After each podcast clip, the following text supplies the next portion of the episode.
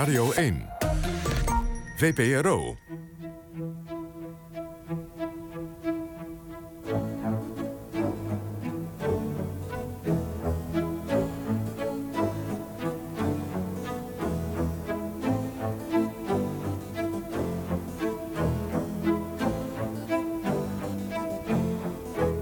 OVT.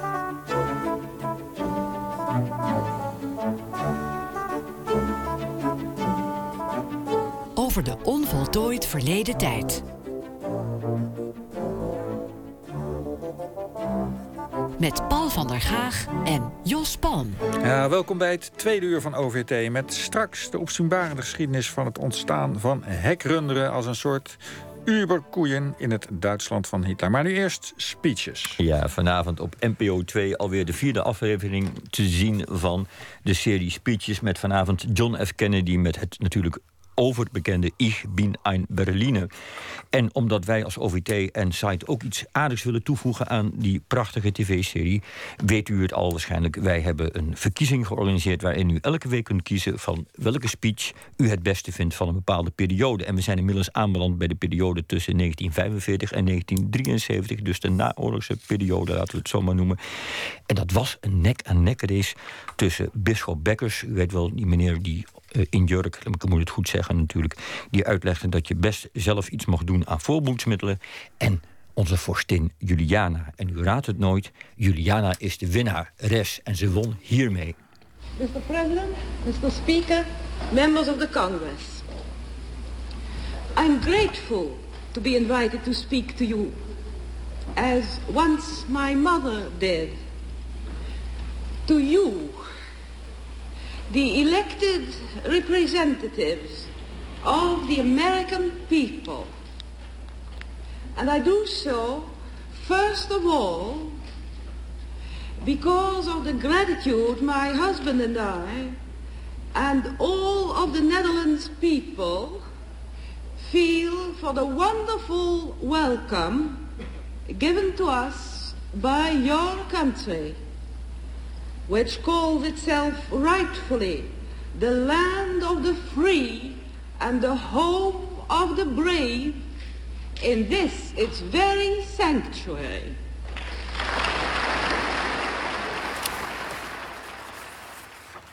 Ja, aan, uh, aan uh, in Zutphen en in zekere zin bij ons via een mannetje met een lijntje. Jolande Withuis, biografe van Juliana. Jolande, goedemorgen. Goedemorgen. Zeg Jolande, als je dit hoort, huppelt je hart dan weer een beetje... dat prachtige soort Engels van Juliana? Um, ja, ik ben haar biograaf, niet de voorzitter van de fanclub. Maar ik vind het wel heel leuk om dit te horen.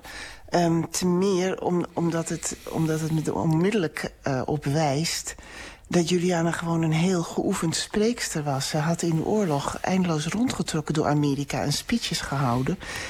En um, zij was in Amerika een geoefend spreekster. En dat is een van de redenen waarom er zich nogal wat misverstanden... rond uh, haar Amerikaanse tournee van 1952 hebben voorgedaan. Ja, want, want wacht even... Uh, ik wou wel zeggen, wacht even Juliana, maar ik bedoel natuurlijk, wacht even Jolande. Uh, dit is een toespraak op 3 april 1952 aan het Amerikaanse ja. congres. Wat maakte die toespraak zo bijzonder en waarom zij? Um, nou, uh, Juliana ging uh, samen met Bernard en een flink gevolg... een, een uh, staatsbezoek brengen van een maand lang. Daarin deed ze maar liefst 30 redenvoeringen. Het was het, het hoogtepunt natuurlijk op dat moment van de Koude Oorlog. Koreaanse oorlog was gaande. De Rosenberg zaten op hun doodvonnis voltrekking te wachten. Het was een zeer heftige periode. Juliana ging namens het Nederlandse volk bedanken voor de bevrijding, voor de Marshallhulp. Dus het was een enorm beladen bezoek. Heel erg belangrijk. Amerika was het centrum van de vrije wereld. Ja. Um, om dat goed voor te bereiden had de Nederlandse regering al aan het uh, Netherlands Information Bureau al maanden tevoren gevraagd om redenvoeringen voor haar te schrijven. Degene die dat daar deed, die daar uh, de directeur was, was uh, Heldering, de latere hoofdredacteur en columnist van de NRC. Die had een keurig stapeltje redes gemaakt. En daarmee kwam de minister van Buitenlandse Zaken, Stikker, op een gegeven moment op Soesdijk overhandigde Juliana de redes die daarop zijn nergens voor nodig. Ik schrijf mijn eigen redenvoeringen. Ja. Dat was al het, het eerste begin van een, uh, wat, uh, wat toch een flink uh, Robertje vechten zou worden. Ja, en, en, want, want Jolande, ik begreep zelfs dat, dat toen... Ik, uh, ik dacht dat het... Was het Van Rooyen of Sticker, maar in ieder geval toen die met die redenvoering bij Juliana kwamen... dat ze haar redenvoeringen toen al af had. Ze en had haar eigen af. stapeltje op tafel legde van... Ze legde haar eigen Ja. stapeltje op tafel en zei... ik schrijf mijn eigen redenvoeringen. En ze had ook nog flink wat denigrerende eh, uitdrukkingen later... over de voor haar geschreven redenvoeringen. Dat waren aap, wat heb je mooie jonge praatjes... en die ging ze niet uitspreken. Ja, maar wa- wa- waarom maakte de regering zich zo ongerust over de- wat Juliana zou gaan zeggen? Nou, om twee redenen. Eh, niet alleen om wat ze wilde gaan zeggen, dat vonden ze vage praat. En eh, bijvoorbeeld Heldering, die voorzag een fiasco. Ik heb hem daarover geïnterviewd en hij zei grotelijks... ik voorzag een fiasco, maar het werd een enorm succes. Maar ehm, die vonden het vage praat. Maar wat ook een reden voor ongerustheid was van de regering... en daar hadden ze volgens mij echt geen ongelijk in... was dat Juliana vond dat zij een missie had. Dus zij vond dat zij als koningin... ehm, echt iets eigens te berden moest brengen. Dus dat zij als het ware niet moest zeggen wat de regering vond dat zij moest zeggen. Dus Sticker heeft op een gegeven moment zelfs in de ministerraad gezegd... als wij hiervoor zwichten, dan herstellen wij de absolute monarchie. Maar wij zijn een constitutionele monarchie, dus wij zitten hier met een groot probleem. Deze koningin vindt dat zij een roeping heeft om haar eigen verhaal te vertellen... en daar kunnen wij niet in meegaan. Dus het is heel erg hoog opgelopen. En, en hoe zijn ze eruit gekomen? Nou, door, door, door eindeloos eh, aan die redes eh, te, te, te knoeien, te, te schrappen. Beetje dit, beetje dat. Er is, er is een ongelooflijke hoeveelheid tijd in gaan zitten. Er is heel veel, heel veel ruzie in gaan zitten. En eh, water in de wijn gedaan door, door Juliana. Ook overigens door de ministerraad. Het is gewoon heel, heel hoog opgelopen. Ja, wa- want zit er in die redenvoering waar we net een stukje van lieten horen... die beroemde redenvoering, zit daar nou nog veel van wat Juliana oorspronkelijk zelf bedacht had? Nou, dat, dat, dat, weet ik niet, want wat Juliana oorspronkelijk zelf bedacht had... dat wordt er natuurlijk niet bijgeleverd. Wat wel heel erg opvalt is dat ehm, ze, ze roept veel op tot, eh, tot eenheid van de mensheid. Ze roept minder dan misschien gebruikelijk was in die tijd op tot, tot, eh, tot, tot, tot NAVO. Hoewel ze zich daar bepaald ook niet aan onttrekt, hoor. Ze ging niet te buiten aan de officiële regeringspolitiek. Maar wat mij vooral treft is... er wordt vaak eh, benadrukt hoe pacifistisch het was. Dat vind ik eigenlijk eh, een heel sterk woord. Zij, het is vooral heel godsdienstig. Dus die eenheid van de wereld is altijd under the law of God. Ja, Dus ze, ze, ze dacht al dat ze met de kersttoespraak bezig was. Het is, het is veel de wereld onder, onder het toeziend oog van God. En we moeten het ook allemaal eigenlijk overlaten aan God. Dat is toch wel de strekking. Ja, want, want hoe is die toespraak destijds in Amerika aangekomen? Het staat hier nog steeds bekend als de pacifistische toespraak... maar heeft het daarvoor oproering gezorgd? Het heeft daar, het- Juliana was een enorm succes daar. Had, hadden En wij een- maar zo'n president? Hè? Zoiets? Nou, een van de redenen daarvan is dat het zo duidelijk was... dat hier niet iemand een, eh, een praatje stond voor te lezen... wat er in de handen geduwd was. Maar dat het een heel bevlogen jonge vrouw was. Ze was... eh, Kijk, zij werd in Nederland toch onderschat. Niemand wist dat zij een geoefend spreekster was in Amerika. Dat zij ervaring had in persconferenties. Dat deed ze allemaal goed. Ehm, dat bevlogene werd mooi gevonden. Ehm, er is wel in, in het Parool is een heel kritisch stuk verschenen waarin stond... eh, waarin echt werd gewezen op dit, dit kan constitutioneel. Natuurlijk is dit eh, constitutioneel een heel groot probleem. En daar mogen we wel eens over nadenken. Want dit is voor de verantwoordelijkheid van de minister. En dit kunnen niet de woorden van de koningin zijn. Maar vinden ze ons in Amerika niet a queer country... als ze dit nog eens kritisch overlezen? Want het is allemaal wel hele vage praat.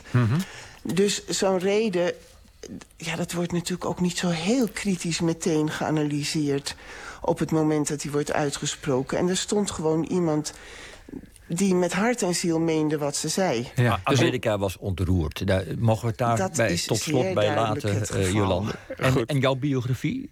Nog een jaartje? Een jaartje, ik, ik hoop wel dat ik dan, dan echt een goede eerste versie af heb. Goed. Nou, wij zijn het, we zien het met belangstelling tegemoet. Jolande, hartelijk dank voor je toelichting. Oké. Ja. En eh, wie de hele speech wil luisteren, eh, kan hem eh afluisteren en kijken op de site npogeschiedenis.nl.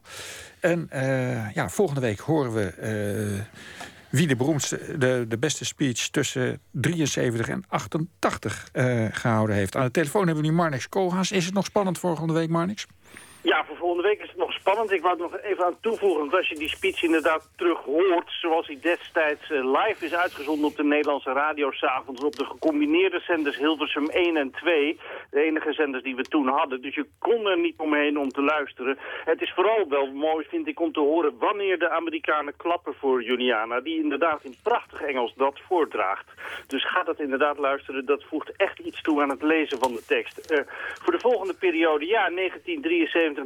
1990, ja, dan is het toch wel Den tegen zichzelf. Die eh, zijn beroemde oliecrisis eh, uit 73 en zijn eh, re- regeringsverklaring over het verslag van de commissie van drie naar aanleiding van de Lockheed-affaire waarin prins Bernhard te horen kreeg dat hij zich begeven had in verhoudingen die niet aanvaardbaar zijn. Tussen die twee gaat het eigenlijk en Mintjan Faber met zijn anti-kruisrakettenbetoging toespraak in 1981 die volgt op enige afstand, maar heeft nog wel een kans. Want tenslotte de laatste periode, ja, daarin staat Prins Klaus met zijn Declaration of the Tide toch wel ongenaakbaar bovenaan. Goed, nou Marnix, hartstikke bedankt. Iedereen kan nog steeds stemmen op de site npogeschiedenis.nl. En ga dat ook beslist doen. En dan nu het spoor terug over de hekrunderen. En we gaan daarbij van de prehistorie naar het heden. Van kunstenaars en filosofen tot biologen en genetici. Van een oerbos in Polen naar de uiterwaarden in Brabant en van de Oostvaardersplassen. Een vreemde geschiedenis over koeien die ook, ook wat vertelt over nationaal-socialisten van het Derde Rijk en natuurbeschermers van Staatsbosbeheer. Luistert u naar een programma van Michal Citroen, gemonteerd met Betty Kamer.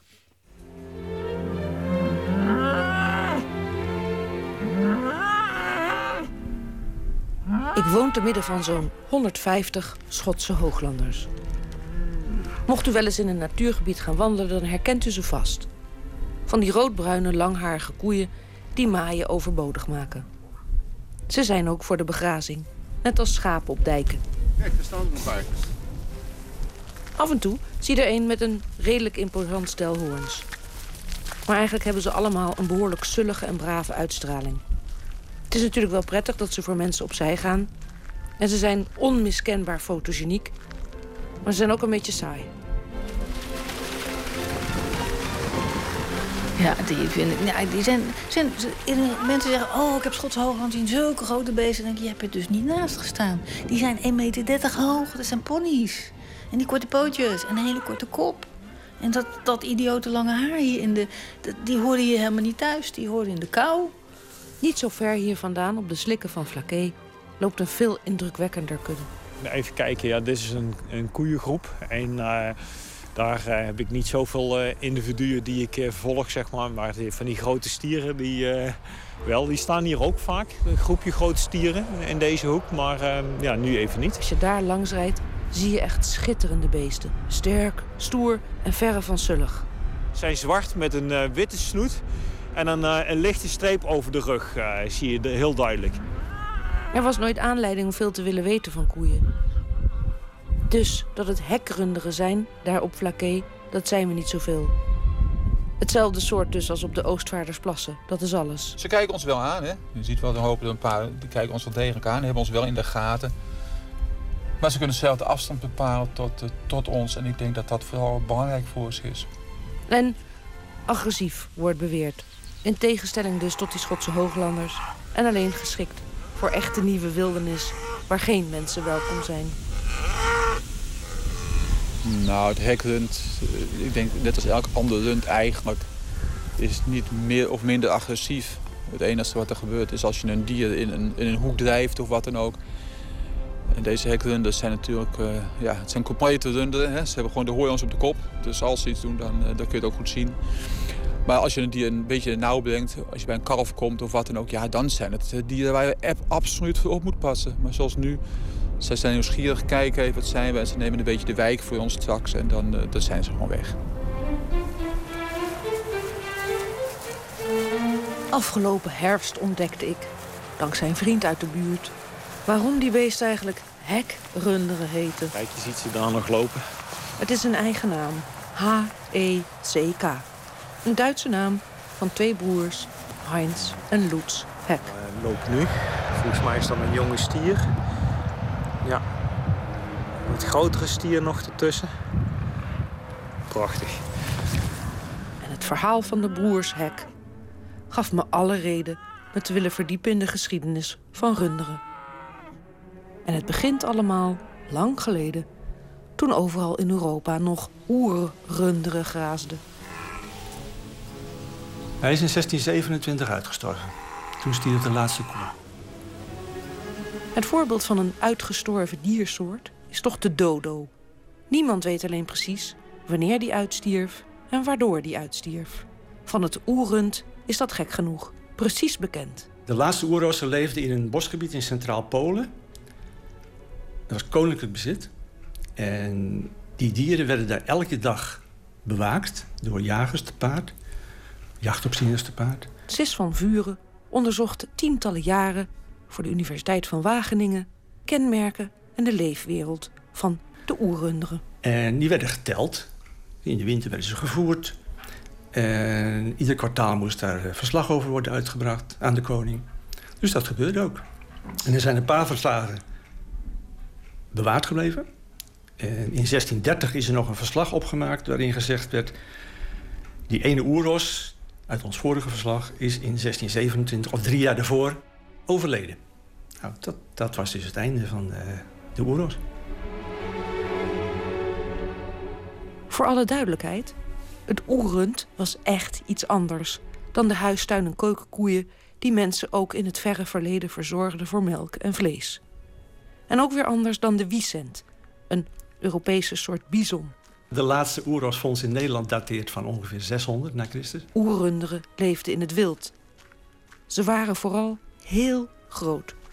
Veel groter dan de koeien nu. Kijk, er zijn verhalen in omloop geraakt dat het oerend een eh, woest en gevaarlijk dier uh, was en zou zijn. En het is de vraag hoe betrouwbaar die verhalen zijn. Ronald Goderie van de stichting Taurus probeert al jaren alles te weten te komen van het oerend. Julius Caesar heeft er het een en ander uh, ooit over verteld. Geschreven in zijn uh, chronieken over de lage landen. En beschrijft het dan als een woest en gevaarlijk wild, wild dier. Maar waarschijnlijk heeft de keizer nooit zelf ze in het wild gezien, maar alleen in de arenas. Want Romeinen die hebben echt, echt duizenden oerenstieren naar de arenas afgevoerd. En ja, dan wilden ze wel wild worden. Er zijn een paar beschrijvingen van. Er zijn ontzettend veel botten van gevonden. Er zijn horens van gevonden. En daaruit kun je dus ongeveer opmaken hoe die oeros eruit zag. Nou, waarschijnlijk waren de stieren van een schofthoogte van 1,60 meter, 1,80 meter. En de koeien waren omstreeks 1,50 meter. Misschien nog wel kleiner, ik weet het niet. Dat is gewoon niet goed bekend. Stieren hadden een hele donkere vachtkleur, zwart, zwartbruin. Met een lichte streep over de rug, waarschijnlijk grijs gekleurd. Koeien waren wat ze noemen roodbruin, kastanjekleurig. De oorspronkelijke grot van Lascaux in eh, Frankrijk. In 1940 ontdekt met die prachtige, prachtige grotschilderingen. Nou, als je daar die grote zaal, ik ben deze zomer uh. Als je daar die grote zaal binnenkomt, dan valt je op hoe fantastisch goed ze konden schilderen. Het was als het ware, ze, hebben getracht daar de dynamiek van rennende oerenderen te vast te leggen. En dat is aardig gelukt, vind ik. Maar dan zie je inderdaad die grote, grote zwarte stieren met die witte rugstreep, met die grote horens. Uh, en de iets kleinere uh, koeien die roodachtig van tint waren. En men heeft ook lang gedacht, uh, zeg maar 17e, 18e eeuw, dat dat, de, dat dat twee verschillende soorten waren.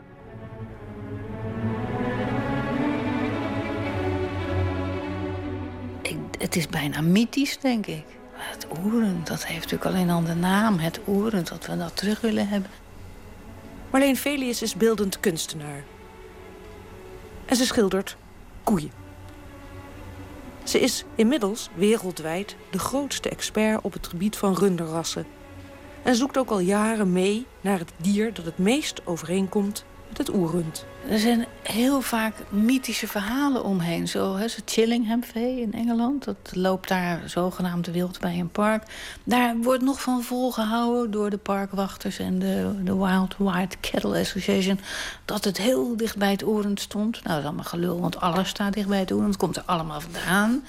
Dat het altijd wild is geweest, ook flauwekul. Maar dat draagt natuurlijk bij aan de mythe en, en mensen die daar op bezoek komen al met al hebben we een vrij goed beeld van hoe dat oerend er ooit uh, uitzag. Ronald Goderie. En dat hebben we inmiddels kunnen we dat nog aanvullen met uh, genetische informatie. Uh, er is inmiddels van één oerend is het complete DNA gesequenced. En dat materiaal dat, kunnen wij gebruiken. En dan zeggen wij, Universiteit Wageningen, die, die doet dat voor ons. En daarmee zijn we in staat geweest om nu ook echt een, voor het eerst een stamboom op te stellen... tussen de runderrassen en het oerend al ons taurine, bultloze vee in Europa, stamt allemaal uit vee van West-Azië, in het gebied uh, Turkije-Syrië. Daar is nu sinds kort vastgesteld, daar is domesticatie begonnen.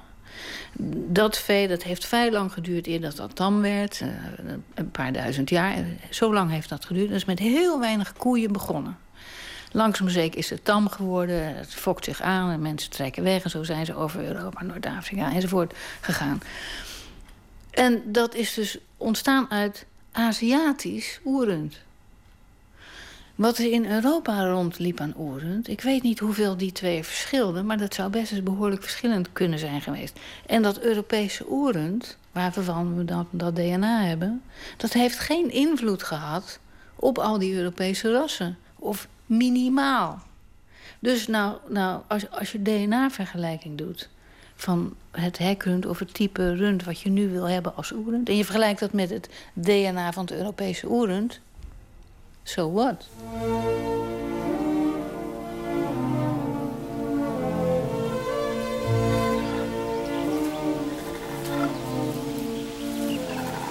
Tja, helemaal so what is het toch niet? Iedereen is op zoek naar al die kenmerken en het DNA van het oerrund. En dat is niet alleen academische belangstelling. Ze willen ook het oerrund terug. Want overal in Europa is behoefte aan wildernis. En in die Europese wildernis lopen runderen.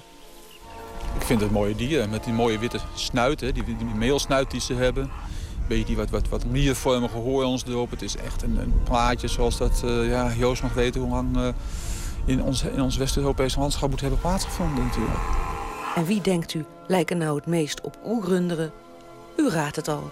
Die hekrunderen van Flaké en de Oostvaardersplassen. Uiteraard zouden Loets en Heinz zeggen... dat is niet voor niks. En daarmee zijn we via het oerrund in het verhaal terug bij de gebroeders Hek. Hun vader was directeur van de diertuin in Berlijn... En was al bezig met kruisingen van bepaalde eh, dieren onderling. Al in de jaren twintig van de vorige eeuw waren het Heinz en Lutz Hek... die een poging deden het oerend terug te fokken. De broers Heinz en Lutz die werden geboren eind 19e eeuw in de dierentuin. Met de paplepel dus hebben zij het dieren managen en, het, en het, ook het dieren fokken meegekregen. Clemens Driessen is filosoof en onderzoeker van de Universiteit van Wageningen. En hij deed ook onderzoek naar de broers Hek. Heinz die vertelt ergens dat hij vanaf hele jonge leeftijd experimenteerde met konijntjes fokken. En uh, ja, ze hadden allebei een grote ja, voorliefde voor die dieren. Lutz zou zijn vader in 1932 opvolgen als directeur in Berlijn. En Heinz die was in de tussentijd uh, een carrière bij allerlei dierentuinen mocht hij in 1928 de Münchense dierentuin opnieuw opzetten. De dierentuin in Berlijn heeft uh, als doel gehad om het uh, Germaanse verleden qua diersoorten weer te laten zien. Sis van Vuren. Hoe ziet het Duitse landschap, het oer-Duitse landschap eruit en die oer-Duitse dieren?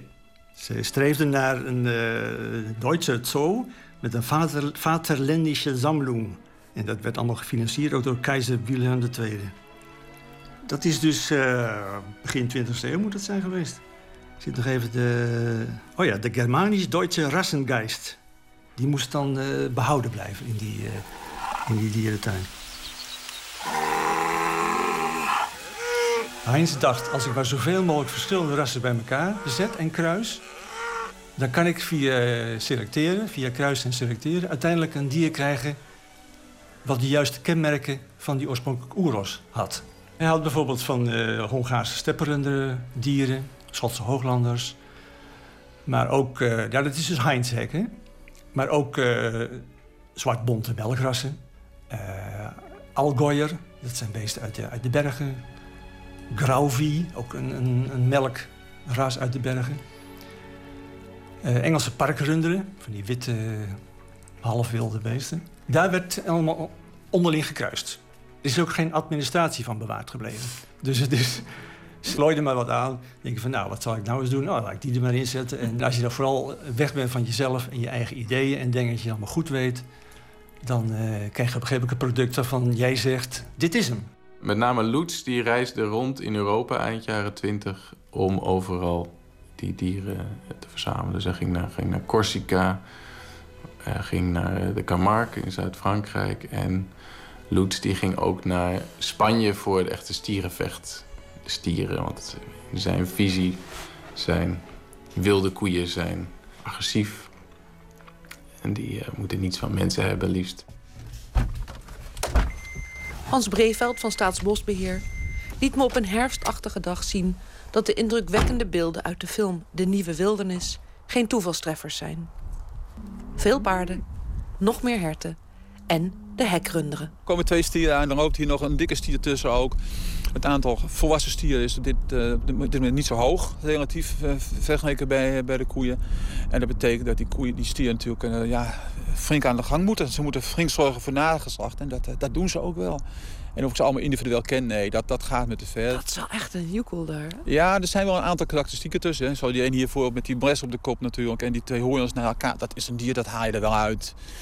En nou, hier, dit groepje niet direct zo, maar er loopt een aantal met een hele mooie donkere kring rond de ogen. Die haal je er wel uit. Er lopen zelfs zwart-bont tussen. Niet in dit groepje dan. We hebben ook zwart-bonte hekhunden namelijk.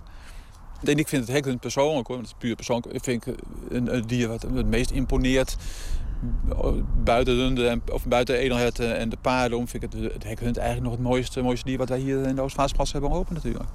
En ik dacht dus aanvankelijk, toen ik de eerste hekrunder zag, dacht ik, nou, die lijken wel aardig, hè? Het, uh, vachtkleur, grote horens en zo. En dan kom je bij andere hekrundfokkers en dan blijkt het plotseling dat het een zootje ongeregeld is. De een die dacht dat ze er zo uit moesten zien. De ander zag, deze moeten er zo uitzien. En dan een derde dacht het weer anders. En ze zagen er ook echt totaal anders uit. En dat kan ook niet anders. Als je een 10, 12 runderrassen bij elkaar zet... en daar gaat fokken en selecteren en, en verder fokken... dan stop je in feite voor alles in. En op een gegeven moment kan het zijn dat het er ook weer uitkomt. En wat je ook ziet in de Oost-Fraansplassen... dat er af en toe van die zwartbonte dieren opduiken dat is nog aanwezig. Uh, maar dan uh, verborgen.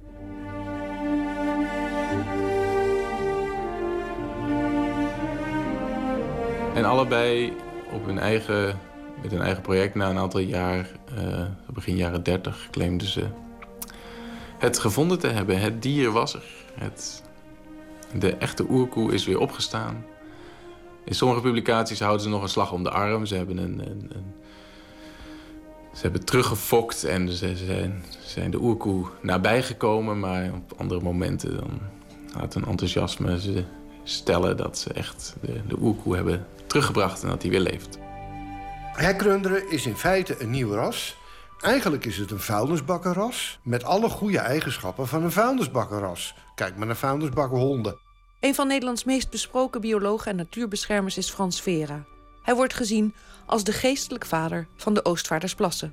Dat noemen ze heterosis. Hè? Je hebt dus allerlei genetisch materiaal van verschillende rassen ingekruist. En nou ja, dat zijn dan over het algemeen veel weerbaardere dieren... dan wanneer je zo'n zo'n lijn neemt die tot in het oneindig is doorgefokt... op het een of ander, op kleur, op tekening. Vera is ook de man die de hekrunderen introduceerde in Nederland en ze hun naam gaf. Dus dat was mijn reden om te zeggen, nou, ik noem ze hekrunderen... want dat is gewoon eerlijk. Uh, wel, het zijn geen oerrunderen. Je kunt toch niet uit een cocktail van een aantal rassen... wat de gebroeders Hek hadden gedaan... Uh, nou, dan even aan de bar schudden en dan hocus pocus... ah, daar hebben we het oerrund.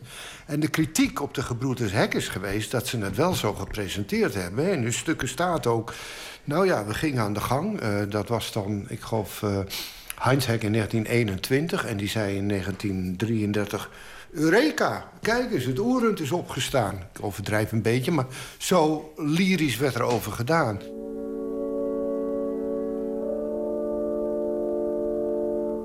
Terug weer naar de broers Hek. Hun fokproducten heten toen nog geen Hekrunderen, maar Aurox. Want niet alleen was Loets Hek ervan overtuigd dat hij begin jaren 30 het oerrund had teruggefokt, maar het was ook een Germaans oerrund. Een wild dier dat ook thuis hoorde in de Germaanse natuur. En dat sloot naadloos aan bij het gedachtegoed van de Nazi-partij. Lutzek werd lid van de SS en raakte bevriend met de nazi-top. Hij levert uh, dieren af bij Goebbels thuis. Um, uh, Goebbels heeft een aantekening in zijn dagboek Hek komt langs met dieren, de kinderen schreeuwen van plezier. Hij komt ze dan na verloop van tijd ook weer ophalen. Dus als kind aan huis daar. Ehm, in de loop van de jaren 30 eh, heeft hij ook een keer een afspraak met Albert Speer... om te hebben over de dierentuin van de toekomst in het Berlijn van de toekomst. Maar vooral uh, heeft hij heel snel, dus vanaf 33 of 34, is hij hele goede vrienden met Herman Keuring. Nu staan we En wat hun eigenlijk allebei verbindt, is dus een fascinatie voor de jacht. En fascinatie voor de jacht op een specifieke manier, namelijk eentje die voortkomt uit het Nibelungenlied, dus de Duitse mythologie, waarin de Germaanse ridder Siegfried in een beroemde scène gaat jagen in het bos. En in één strofe van een Nibelungenlied staat... Ook sloeg hij een wiesent en een eland dood. Vier sterke oerrossen, een hert, grimmig en groot.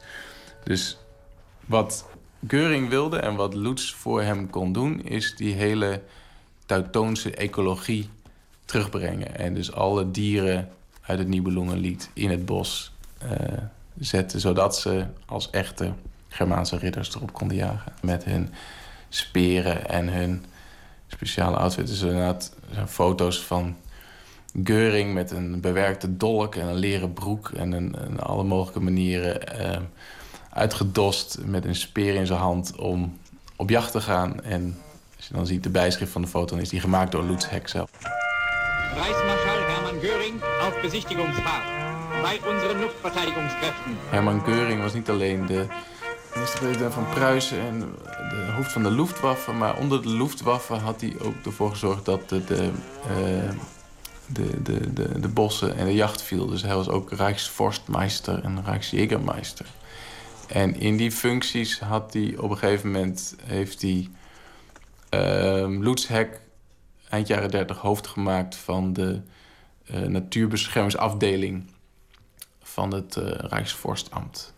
Dus, en op die manier kreeg hij een rol om zodra de Duitsers Oost-Europa binnenvielen en zodra Polen was veroverd, was het zijn taak en zijn visie om uh, dat Oost-Europese landschap opnieuw in te richten. En uh, in zekere zin om wat in hun ogen, en zoals Lutz Heck het ergens beschrijft, om de, de ausgeraubte landschaften uh, te herstellen, die dus door de verkeerde bewoners verkeerd was beheerd. En als je, als je Loetshek leest, lijkt het alsof de, de, het veroveren van Oost-Europa een project was om de natuur daar te gaan herstellen. Een stormbatterie veert af zur Übung met een infanterieverband. Geuring, uh, uh, de veldmaarschalk, die wilde bijvoorbeeld van het, uh, van het gebied Białowieża in Polen... wilde hij weer een Germaanse wildernis maken. En er waren nog wiesenten en hij was ook gek van die jacht. En uh, die wilde dus ook de bewoners van het dorp gewoon tegen de muur zetten. Hij heeft er ook, er zijn aardig wat mannen met name vermoord. Ja, dat zijn natuurlijk verschrikkelijke dingen. Uh, maar dan wordt dat dus teruggeredeneerd naar de gebroeders Hek. de hekrunderen, die toen nog niet zo heette, maar gewoon de Aurochsen, uh, werden uitgezet in Romintenheide. Dus het jachtslot van, of het jachtgebied van uh, Geuring in, uh, Oost-Pruisen. Um, maar toen die daar te wild waren eigenlijk en, en allerlei chaos aanrichten. ze verstoorden het voederen van de herten in de winter. Er is ook een scène waarin ze mensen op fietsen uh, aanvallen. En er een, de, grootste stier met een, met een verwrongen uh, berg fietsen op zijn horens uh, mensen stuipen op het lijf jaagt. Een aantal van die dieren zijn toen verder uitgezet in uh, woud. Geuring was ieder jaar daar al heen gegaan sinds hij aan de macht kwam op uitnodiging van de Poolse Poolse regering kwam ieder jaar daar jagen. En ja, dat was duidelijk een van de gebieden waar hij zijn begeerige ogen op had laten vallen. Ehm, daar heeft uh, dus die runderen uitgezet, maar ook uh, op een gegeven moment zelfs beren. Ja, dus niet alleen was het idee om die, om die dieren eruit te zetten. Geuring uh, heeft dat gebied ook laten uitbreiden. dorpen zijn platgebrand, mensen weggejaagd. Voor een deel zelfs vermoord. Het politiebataljon wat dat uitvoerde werd ook terzijde gestaan door de, uh, de jachtopzieners... die dus onder de Luftwaffe vielen, onder Geurings Luftwaffe vielen... en die ook met allerlei jachttechnieken daar de, op, de, op de ontsnapte op mensen gingen jagen. Ja.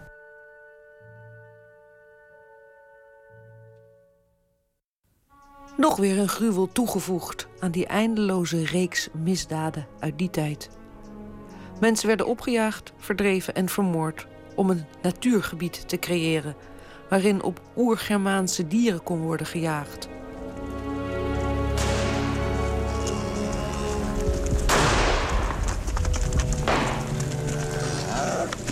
En broer Loets Hek leverde zijn teruggefokte oerrunderen hiervoor.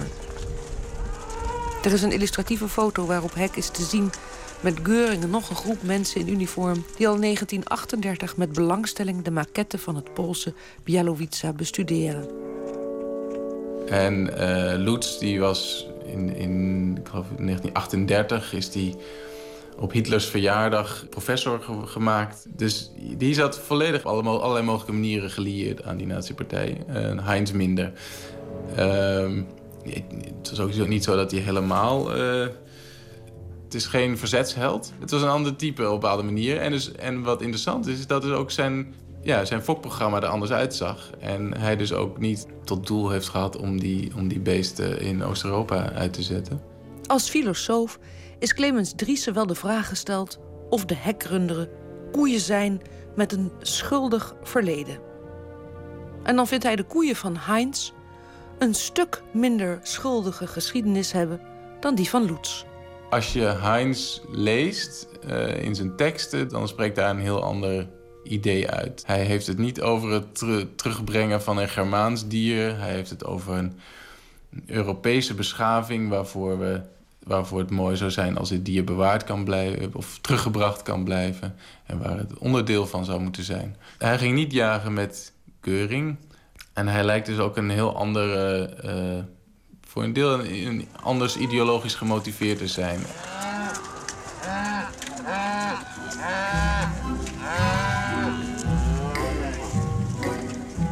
In ieder geval is na 1945 van de kudde van Loets niets meer over.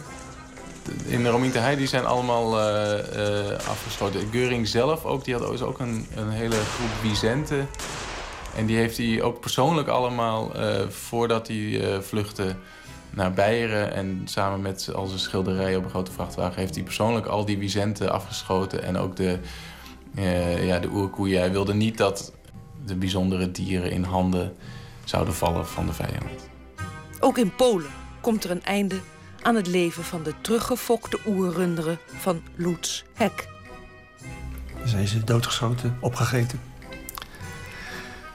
Dus wat Lutzek heeft gemaakt, is hoogstwaarschijnlijk helemaal verdwenen.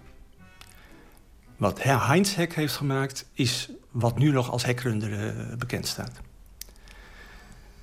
En die leven dus in Nederland en allerlei andere Europese landen. Momenteel zijn er een paar duizend uh, aanwezig.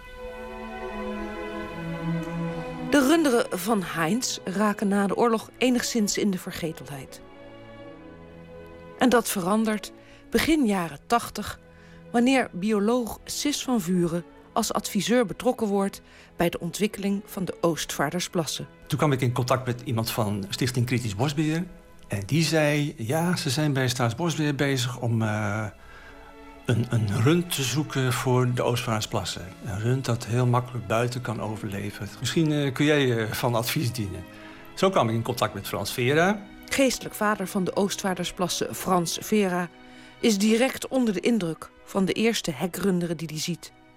En ze passen uitstekend in zijn project. Hooglanders liepen al op de Veluwe. Maar de hekrunder hadden de aantrekkelijkheid dat ze overal in natuurparken zaten.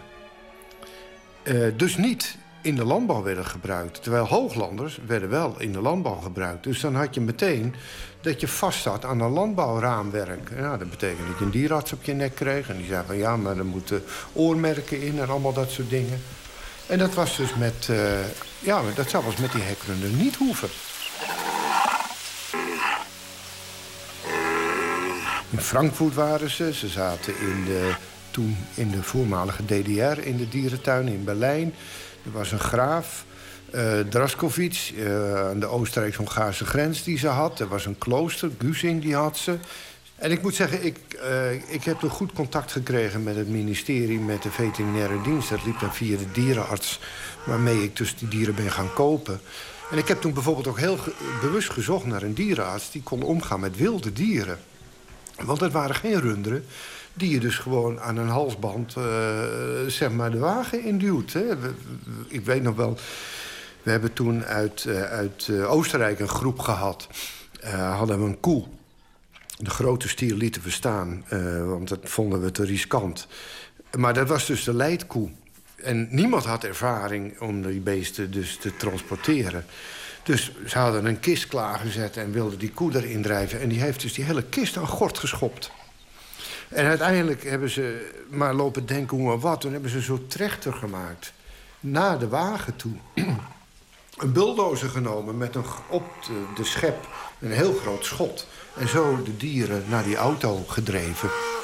En ze zijn los in de wagen gegaan. En ze zijn los in de wagen. Met een kalf wat intussen was geboren van Oostenrijk naar toen de slikken van Flaké gereden. Want de eerste lichting van hekrunderen die ik dus gekocht had... die mocht ik niet in de Oostvaardersplassen loslaten. Ik vond het gewoon helemaal geweldige beesten. En ik, was het, uh, ik vond ze zo mooi uitzien. En het idee dat ze um, zeg maar gefokt waren naar gelijkenis van het, uh, het oude oerend. Ja, dat sprak me enorm aan. Uh, het, uh, ja, oerend was toch gewoon een belangrijke grazer vroeger in Europa. En de reden dat ik hier woon heeft ook alles te maken met de hekrunderen. Leo Linnaerts woont op Oldgens Plaat. Op loopafstand van wel twee kuddes hekrunderen. Die van de slikken van Flaké en die van Hellegatsplaten. Hij combineert zijn werk bij Stichting ARK die als doel heeft wilde en robuuste natuur te ontwikkelen, met zijn liefde voor de kuddes om de hoek. Ja, ik kan er gewoon dagenlang naar kijken en van genieten. Het is een, uh, nou ja, zeg maar, de runderen die hier lopen, die lopen uh, al, uh, nou ja, een jaar of twintig in het wild hier. Um, en en dat, dat gedrag, het wilde rundergedrag, zie je gewoon heel duidelijk terug. Hè. Stieren die met elkaar vechten, uh, koeiengroepen die zich vormen... stieren die hun eigen coalities maken. Um, als er brons is, dan uh, maken ze grote stierenkuilen, een soort arena's. En uh, nou, dat is allemaal gewoon geweldig. Al die facetten van natuurlijk rundergedrag zie je terug in die beesten. Nou, hier zijn het gehouden dieren. Maar de beslissing om het gehouden dieren te maken is pas later genomen. Dat wil zeggen dat ze eerst tien jaar lang zonder oornummers enzovoorts hebben rondgelopen. En uh, toen uh, was er een tijdje een heel gedoe met, uh, met het ministerie van NUV en de inspectiedienst. En die zeiden van ja, maar het oppervlak is veel te klein en dat kan niet en, enzovoorts. En uiteindelijk hebben ze toen besloten om alsnog al die dieren van oornummers te voorzien. Nou, moet je voorstellen, dieren die hun hele leven gewoon niks met mensen van doen hebben gehad. En uh, die worden plotseling als een soort, ja, zeg maar een cowboy-western opgedreven in een kraal en samengeperst en krijgen oornummers in. Iets wat best pijnlijk is. En, en heel stressvol, want dat zijn ze niet gewend. Wonderlijk genoeg krijgt het verleden van de hekrunderen geen aandacht op het moment dat ze in Nederland aankomen. Heel anders is het wanneer ze het kanaal oversteken. In Engeland hebben ze toch wel een heel eigenaardige verhouding tot de Tweede Wereldoorlog en het nazisme. En uh, de aanleiding was in zekere zin zodra er een natuurbeschermer in Zuid-Engeland was... die dacht, die hekrunderen die zouden hier misschien ook wel in Groot-Brittannië... een functie kunnen hebben als, grote grazers.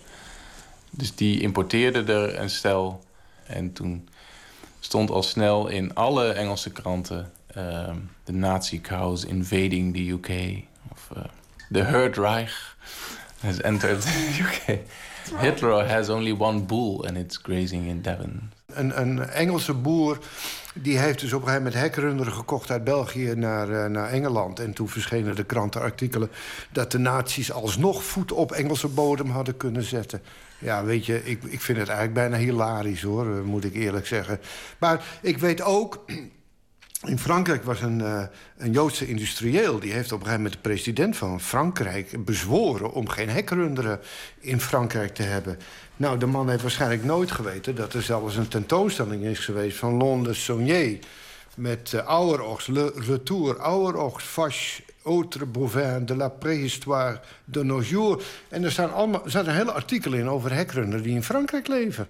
Wat natuurlijk wel interessant is, is om te kijken in hoeverre allerlei ja, zeg maar, materiële voortbrengselen uit de nazi-tijd, in hoeverre daar nou een soort inherente karakter aan zit, wat ze maakt, wat, wat ze een dubieus, ja, wat ze daadwerkelijk dubieus maken, ook als in dit geval die koeien.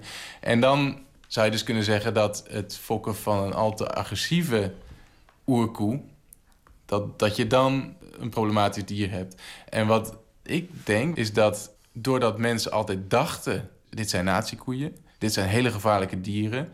daardoor zijn die hekrunderen altijd op een bepaalde manier benaderd. Dus uh, op een manier dus dat, je, dat, je, dat je niet te dichtbij gaat staan... en uh, een beetje met de hekken gaat duwen of met groot materieel...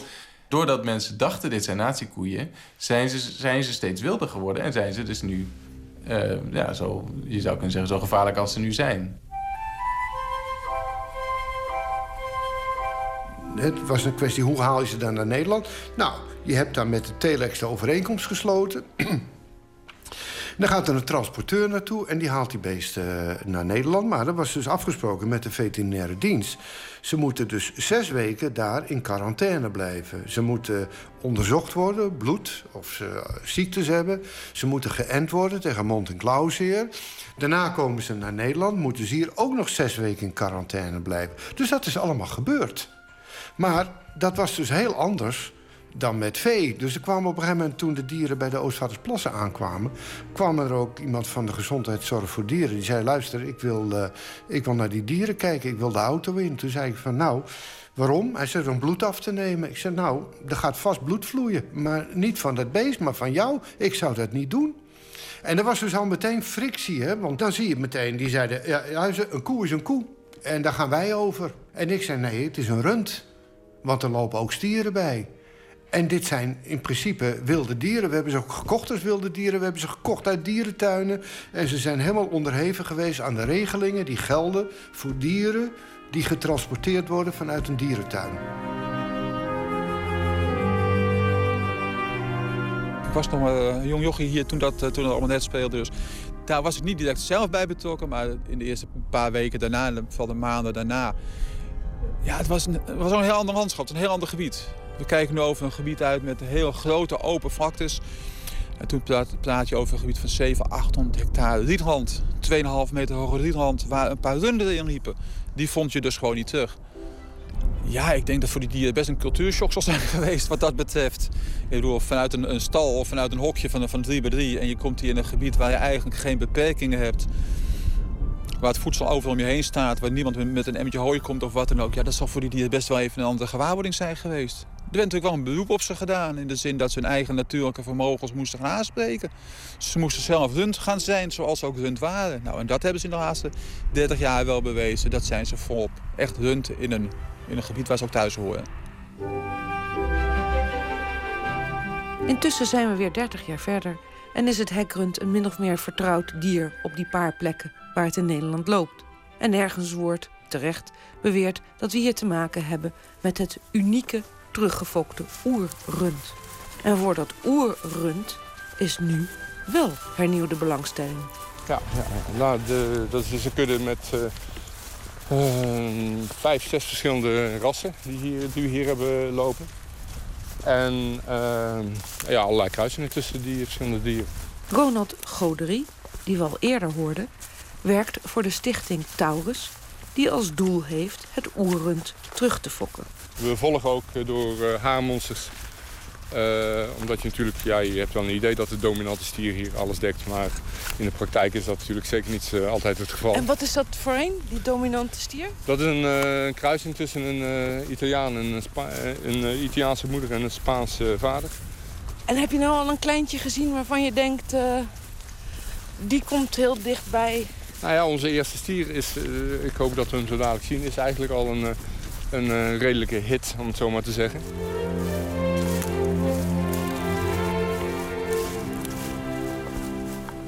Ergens, grofweg onder Nijmegen, ligt Keent. En daar loopt de kudde die opnieuw het oerrund moet produceren. Nieuwe oerrunderen om de huidige en toekomstige natuurgebieden in heel Europa te begrazen. Want oerrunderen zouden dat het beste moeten kunnen. Want zij kunnen ook in het wild overleven en zichzelf tegen mogelijk toekomstige roofdieren beschermen. Het is ook niet zo verwonderlijk, want als je je, je rasselectie uh, van tevoren en de individuen daarbinnen dan goed selecteert, ja? dan kun je natuurlijk al grote, grote sprongen maken in het begin. Dat blijkt ook. Ja, maar dat, dat deden ja. die, die, hek, die hekken deden dat ook natuurlijk. Ja, nou, maar goed, in essentie is de techniek niet heel, is de techniek niet heel anders. De doelen, de doelen zijn anders. Marleen Felius, de runderras-expert, denkt wel dat wij het nieuwe oerend niet meer gaan meemaken. Omdat het heel veel generaties gaat duren voordat echt het oerend wordt benaderd. En dat alles dan afhangt van welke rassen je gebruikt. Het is niet makkelijk. Om, uh... Maar goed, als je met Spaans vee, Portugees vee en Oost-Europees vee... Als je, als je daarin kiest, en dat wordt dus ook gedaan. Zowel in Nederland als in Duitsland zijn ze daar ook mee bezig. Ja, dan kom je dichter en sneller in de buurt. Want wat ik heb begrepen uit Duitsland, zijn verschillende programma's... dat ze in de tijd die Nederlands hebben hekkerunders gekocht... maar dat ze zelf de allerbeste hebben gehouden op uiterlijk. En daar zijn ze mee lekker aan doorspelen... om die toch nog steeds dichter bij dat oeren te krijgen. Stichting Taurus probeert ze te fokken. En Rewilding Europe zal ze op een goed moment uitzetten in de natuur. Rewilding Europe vindt de koppeling tussen de hekrunderen, de Oostvaardersplassen en zichzelf contraproductief. Dus wil me niet te woord staan. Maar gelukkig begrijpt Ronald Goderie van Stichting Taurus dat uitleg en aandacht ook eventuele smet kan wegnemen. Zeg in de loop van de jaren dat we hier nu mee bezig zijn, ben ik natuurlijk ook steeds meer te weten gekomen over de hekbroeders en een uiterst dubieuze rol die ze in die Tweede Wereldoorlog gespeeld hebben. En dat heeft voor mij nog wel, ja, toch wel de morele vraag opgeworpen van ja, wat, wat betekent dat nou? Ben ik nu alsnog bezig om hun werk te realiseren? Maar dat, dat is niet zo. Ik heb besloten dat, nee, dat is niet zo. Onze, onze, zeg maar, onze intentie, onze doelen zijn dusdanig afwijkend. Dat, uh, ja, dat ik, ik denk dat we hier een prima project hebben er is ook een artikel verschenen in de New Yorker. We hebben enorm veel pers gehad op ons eh, project. Omdat ze aanvankelijk dachten dat we met een soort Jurassic Park eh, bezig waren. Dat is niet zo. Toen de journalist hier, hier was en met ons ook over de heks had... die heeft uiteindelijk opgeschreven dat dit een denazified uh, attempt was.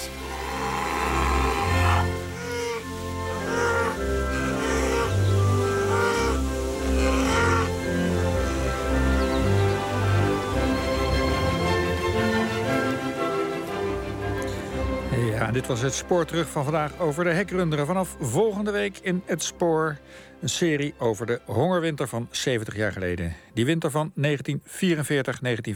toen meer dan 22.000 landgenoten omkwamen van de honger. Met gesprekken uit een eerdere serie van 30 jaar geleden. U hoort dan stemmen terug van velen die nu al heel oud zijn of overleden.